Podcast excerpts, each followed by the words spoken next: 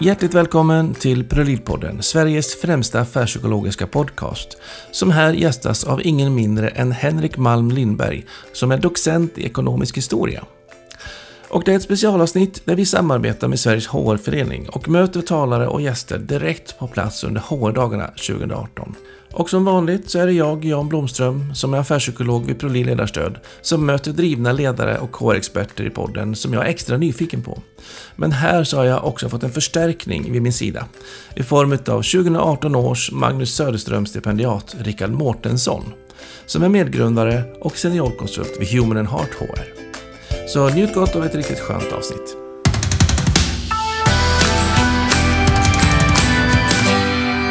Hjärtligt välkommen till Prolidpodden säger jag då till dig, Henrik Malm Lindberg. Stort tack för det. Spännande att få höra lite grann vad du har pratat om, för du har precis klivit av scenen här uppe på Skandia-scenen. Så är det. HR-dagarna. Så är det. Jag pratade ju runt kompetensförsörjning och de nyanlända, de utlandsföddas roll i att lösa missmatchningen eller kompetensbristen som finns på svensk arbetsmarknad. Ja. Eh, Och jag tog ju fram några aspekter utav varför utlandsfödda har lägre sysselsättning och hur man kan försöka fixa det på olika sätt. Härligt, en liten cliffhanger. Ja, kan det här vara för svar på de frågorna?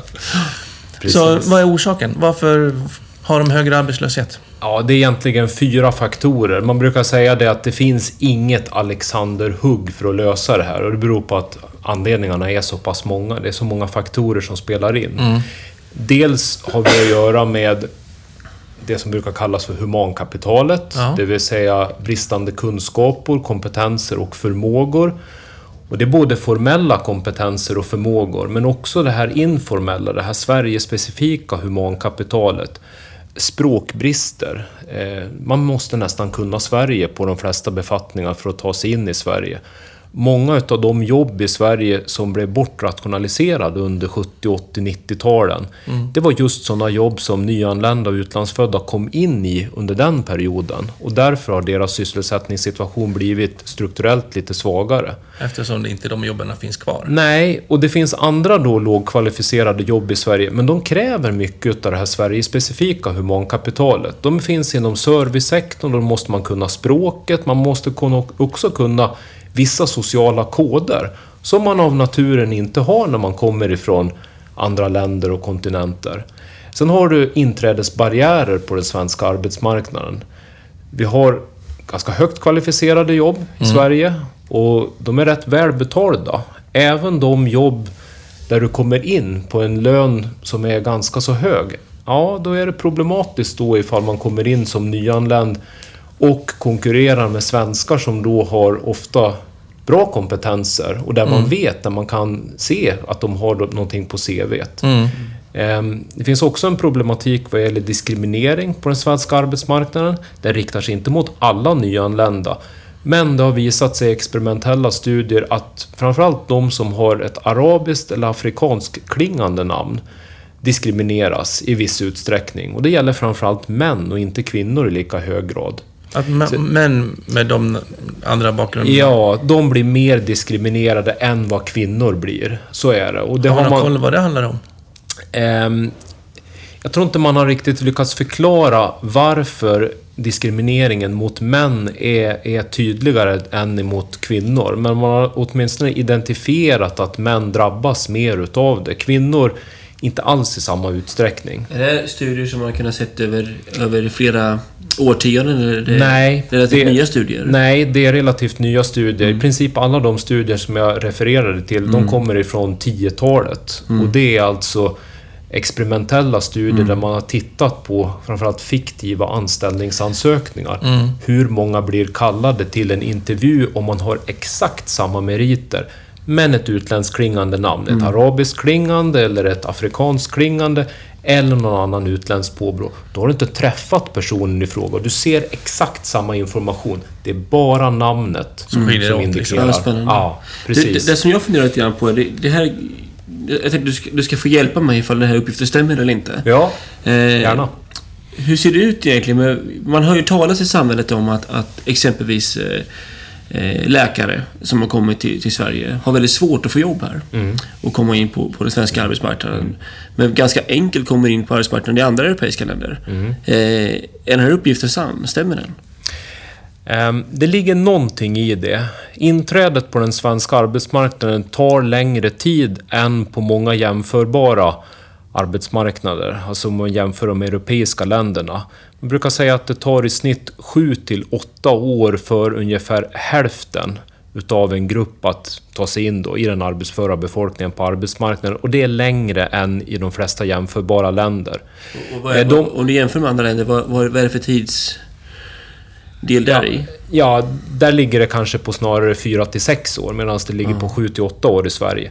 Det är en så stor Eh, skillnad. Ja, det är, det är ganska stor skillnad. Men då ska man komma ihåg det att utlandsfödda, även de som kommer hit på grund av flyktingskäl, har du en högre utbildning med dig, då får du väldigt ofta jobb.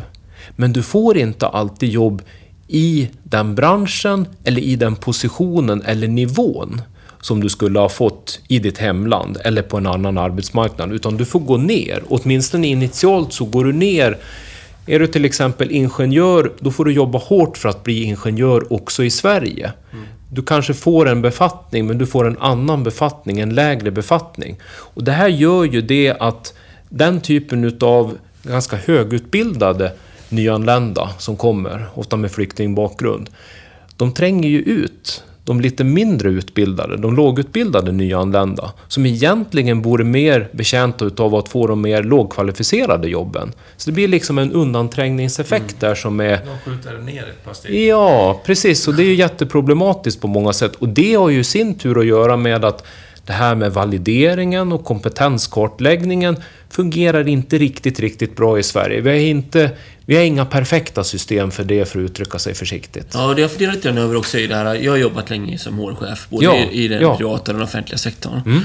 Och någonting som jag har funderat väldigt mycket på är ju att kraven som jag nog ändå vågar påstå är vanligt förekommande i åtminstone den svenska offentliga sektorn. Mm. handlar ju om att man ställer ganska tuffa krav på, på språket. Ja. Att man ska, ska kunna svenska språket. Lik, Mm. likväl just det här körkortskravet som dyker upp. Och jag tänker det att det måste finnas en enorm eh, risk för att vi inte... För att människor isoleras från arbetarna genom att... För jag antar att man lär sig Ja. bäst egentligen på arbetsplatsen. Ja, det, det är ju precis det du säger. Det är ett moment 22 alltså. Man kommer inte in för att man kan språket. Och kommer man inte in så lär man sig inte språket heller. Det är ju, det är ju som du säger att visst, svenska för invandrare i all ära. Men det är på arbetsplatsen som du lär dig det språk som du behöver för att kunna hantera ditt jobb. Eh, det lär, du lär dig inte de orden och de termerna och det tugget på svenska för invandrare, utan du lär dig en annan typ av svenska där. Och det är, jag håller med om det. Och det är ett, det är ett moment 22 som vi, som vi måste kunna hantera. Finns det några andra länder i Europa som vi kan lära oss av det, som eh, hanterar det här på ett annat sätt? Ehm, man brukar ibland säga att de anglosaxiska länderna klarar sig betydligt bättre, det vill säga Storbritannien, Irland, USA. Ehm, det skulle kunna finnas någonting i deras system som är bättre där. Det kan också ha att göra med hur arbetsmarknaden är strukturerad med lägsta löner och mycket annat. Men det kan också faktiskt ha att göra med, och det kanske talar emot det jag sa alldeles nyss, de har engelska som modersmål. Nästan alla nyanlända kan en del engelska.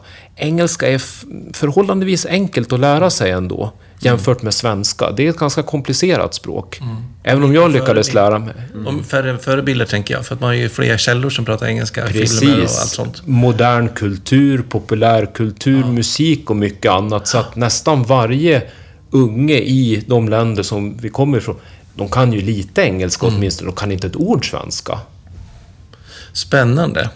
Men det jag tänker lite grann eh, är ju också, om du, du var inne på det här med, med att eh, man inte lär sig riktigt svenskan i, på SFI. Nej. Men jag brukar se en bild framför mig med en typ av en hushållsassistent. Alltså på SFI så för man i liksom ägg och mjöl och liksom mjölk och vad man nu gör för någonting. Men om vi ska bli en bra deg så då behöver vi liksom köra igång den. Och, och själva hushållsassistenten är själva arbetsplatsen. Hushållsassistenten är arbetsplatsen. Du måste interagera med svenskfödda på en arbetsplats för att du ska lära dig det språket som krävs för att du ska kunna utföra ditt yrke. Och det är ju väldigt viktigt. Och det är ju så här att vissa, vissa yrken har ju då system för det där. att du går bredvid. Att du är tandläkare, läkare, sjuksköterska eller liknande. Och då kan du gå bredvid en erfaren sjuksköterska och se hur hon gör, vad hon använder för terminologi och hur hon då fixar de här sociala koderna som vi var inne på tidigare. Mm. Det här, som, det här Sverigespecifika humankapitalet som också krävs. Och det är ju ett system. Det kräver å andra sidan en hel del av organisationerna att de kan ha folk som kan gå med. Och det kan man inte på alla arbetsplatser. Men eh, kan man lösa det så tror jag att en hel del är vunnet. Finns det några bra exempel på i, i Sverige där man har lyckats bra med de här delarna? Där man, där man är duktig på att integrera? Så, någonting som man kan ta med sig till andra organisationer och ta efter? Alltså det finns vissa regioner som är exceptionella på integration.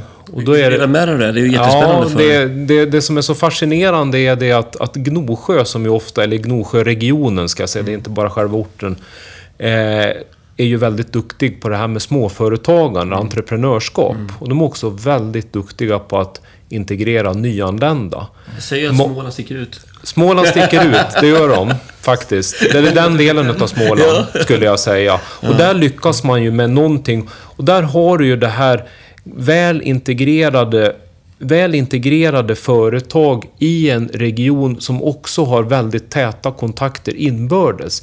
Är det så att ett företag har arbetsbrist, ja då får de reda på att ah, men den kompetensen finns där istället. Och då har vi övertalighet där istället. Ja, men då, då fixar man och donar på olika sätt.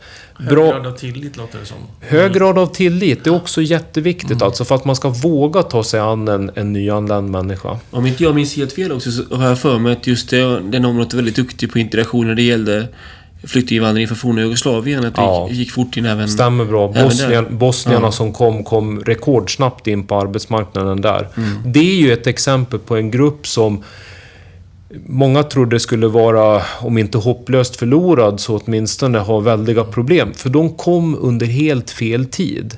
Kommer ni ihåg det? 1993 till 95. Arbetsmarknaden var död i Sverige. Massarbetslöshet. Och så kom de. Men ju längre tiden gick, 90-talet blev 2000-tal och fler och fler bosnier tog sig in på arbetsmarknaden. Idag är sysselsättningsgraden hos unga bosnier, framförallt männen, exakt densamma som unga svenskfödda killar. Så, och då, då tänker jag så här, som smålänning så måste jag ju... Jag måste ju försöka sammanfatta den här delen nu. Du måste ligga lite lågt. Nej, jag, jag, jag känner här nu att det här börjar... Det här, det här är jättespännande. Eh, För jag funderar extra mycket på, om man ska sammanfatta det här, jag måste ju... Ja, när vi har en det. docent där Gör sitter det. mitt emot oss. Ja. Så kan man nästan säga att om man vill bli duktig på integration och lära Ja, sig ja.